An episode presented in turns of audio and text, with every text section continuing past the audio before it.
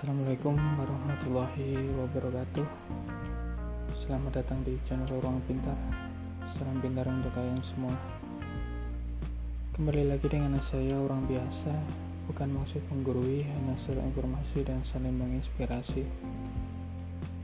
Untuk tema kali ini kita akan membahas tentang 5 peluang usaha bersama Corona Perlu kita ketahui bahwa ternyata virus corona ini tidak akan hilang di muka bumi ini. Oleh sebab itu, adanya kebijakan new normal di Indonesia mau tidak mau kita harus hidup berdampingan dengan corona. Apa dampaknya? Hal ini akan merubah gaya perilaku masyarakat dan menyebabkan pola ekonomi juga perlahan ikut berubah. Kita tahu bahwa dampak corona menyebabkan sektor ekonomi menjadi menurun, angka pengangguran dan PHK semakin meningkat. Pertanyaan besar, apa yang harus kita lakukan untuk tetap survive menghadapi semua ini? Kegiatan berwirausaha adalah salah satu bidang yang masih bisa dilakukan. Adapun jika sampai saat ini masih dalam kondisi bekerja, ya Alhamdulillah. Mungkin saja bisa dijadikan pendapatan sampingan atau kalian masih belum bekerja dan mungkin korban dari PHK bisa dijadikan solusi. Bagaimanapun juga melamar pekerjaan di tengah pandemi seperti ini akan masih sulit. Karena perusahaan-perusahaan juga banyak yang sedang mengalami defisit. Oleh karena itu Ruang Pintar adalah merangkum ada lima peluang usaha yang bisa dilakukan di tengah pandemi corona. Yaitu langsung saja pertama usaha makanan berbasis online. Usaha makanan masih banyak diminati sampai saat ini karena sendiri adalah karena makanan sendiri adalah jenis kebutuhan pokok dan di kalangan siapa pun masih tertarik untuk membelinya. Tetapi di sini metode penjualannya yang kita rubah, yaitu pasang dan jual di aplikasi online di GoFood ataupun GrabFood. Aplikasi berbasis daring sampai saat ini masih menjadi alternatif peluang bisnis untuk mengembangkan usaha. Penggunaan aplikasi daring juga semakin hari terus meningkat. Di sini bisa menjadi peluang besar bagi kalian yang ingin berjualan makanan. Usaha makanan tidak harus menu nasi, bisa camilan, roti, dan minuman. Yang kedua, menjadi reseller. Jika kalian benar-benar tidak memiliki modal, kalian bisa menjadi reseller reseller sampai saat ini masih bisa menjadi peluang di tengah pandemi corona. Kegiatan reseller bisa bermodal ataupun tidak. Kalian hanya menjual barang yang masih banyak dicari orang banyak.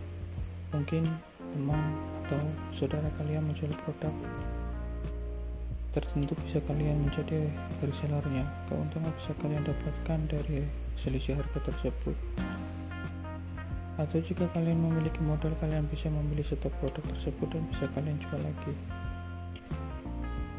Kegiatan reseller sampai saat ini masih menjadi peluang karena banyak media yang bisa kalian manfaatkan untuk menjual kembali produk kalian tersebut. Yang ketiga menjual produk di e-commerce. Salah satu podcast kita sebelumnya telah membahas juga tentang e-commerce.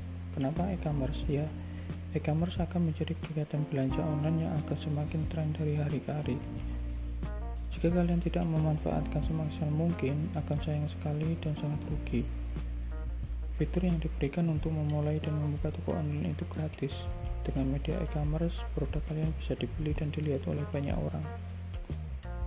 Yang artinya adalah akan banyak orang yang melihat produk kalian, jadi peluang untuk dibeli juga lebih banyak.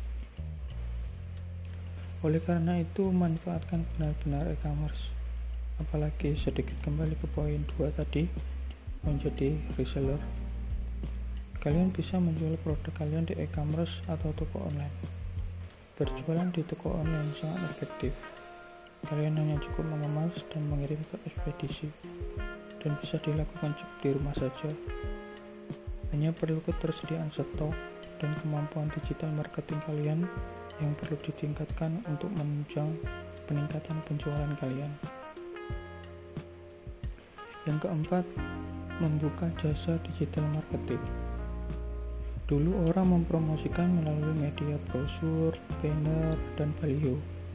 Sekarang, media itu sedikit mulai bergeser ke sektor media sosial.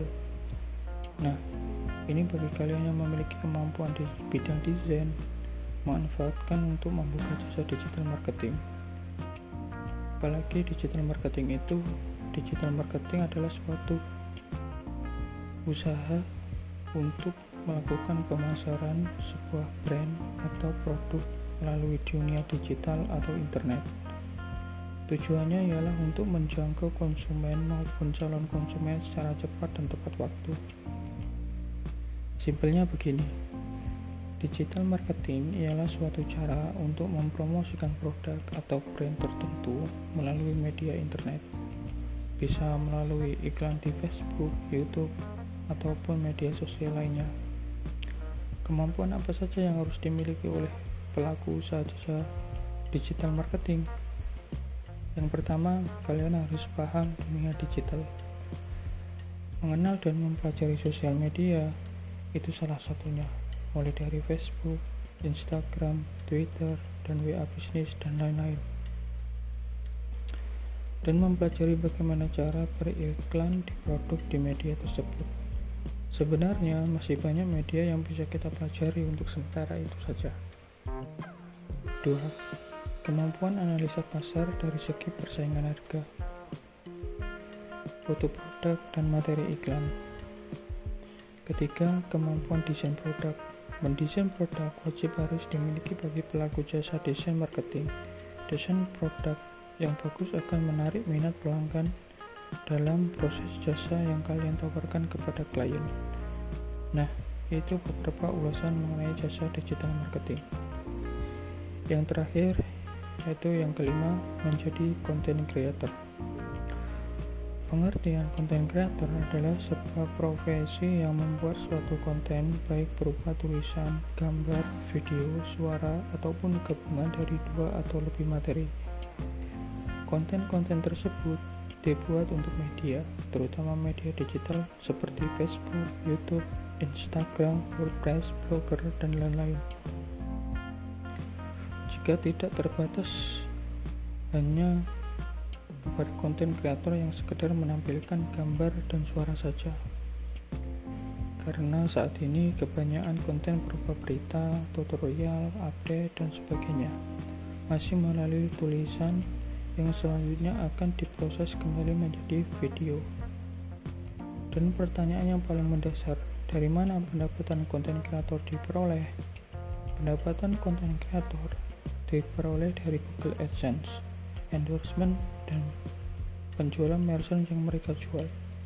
Serta mungkin kalian akan lebih dikenal banyak publik, dan itu tidak penting. Yang penting kalian mendapat cuan. Apa saja tugas seorang konten kreator? Tugas seorang konten kreator ada beberapa tugas yang harus dilakukan di antaranya adalah satu kumpulkan ide, data, serta melakukan riset serta membuat konsep untuk menghasilkan suatu konten untuk halayak. Kedua, buatlah konten yang benar-benar sesuai dengan identitas dan tema yang kalian inginkan. Ketiga, terus berusaha untuk memenuhi tujuan yang sudah kalian tentukan dari awal pada sebuah konten. Contohnya, konten tutorial, edukasi, menghibur, atau memberi informasi. Yang keempat, sesuaikan konten dengan platform yang dipilih. Dalam hal ini, seorang konten kreator bisa menghasilkan karya untuk multi platform. Maksudnya adalah bisa di-share ke beberapa media. Kelima yang terakhir, selalu evaluasi konten yang telah ditayangkan agar meningkatkan kualitas konten kalian. Nah, itu beberapa tugas seorang konten kreator yang perlu diketahui. Konten apa saja yang bisa dibuat oleh konten kreator? Yang pertama, Jika kalian suka menulis, bisa di dipublish di blog atau WordPress dan lain-lain. Kedua, video. Bisa dipublish di YouTube, IG, dan dan Facebook. Ketiga, membuat tutorial. Bisa dipublish di blog, WordPress, YouTube, dan Facebook. Yang keempat, informasi, berita. Bisa kalian tulis di Twitter, Facebook, IG, dan YouTube. Kelima yaitu gamers. Jika kalian suka bermain game, kalian bisa menjadikan konten game untuk dipublish di YouTube dan Facebook dan masih banyak lainnya. Nah, jadi jika ada orang yang masih menganggap bahwa konten kreator itu adalah youtuber saja, maka itu salah. YouTuber adalah seorang konten kreator yang membuat konten dengan hasil dari perpaduan suara, gambar, bahkan ada juga yang menggunakan tulisan. Semenjak nama YouTuber sudah tersebar, sebenarnya banyak sekali konten kreator yang sudah ada sejak lama. Contohnya komikus, musisi, dan lain-lain. Oke, sekian untuk beberapa pemahaman dari rangkuman materi episode kali ini. Nah, itu beberapa peluang usaha yang bisa kalian lakukan di tengah hidup berdampingan dengan virus corona. Di setiap kejadian pasti ada kerugian dan peluang. Itu dua sisi yang tidak bisa dipisahkan. Sekarang semua kembali ke manusianya itu sendiri. Ingin tetap produktif atau pasif dan mati. Kenyataan hidup tidak bisa dihindari. Hanya dari setiap kitalah yang harus mampu mengambil peluang di mana kita ada di posisi Semoga lima bulan usaha tersebut dapat menginspirasi dan menjadi kegiatan yang produktif hingga menjadi profit. Sekian dari kami, salam perubahan, salam pintar untuk kalian semua.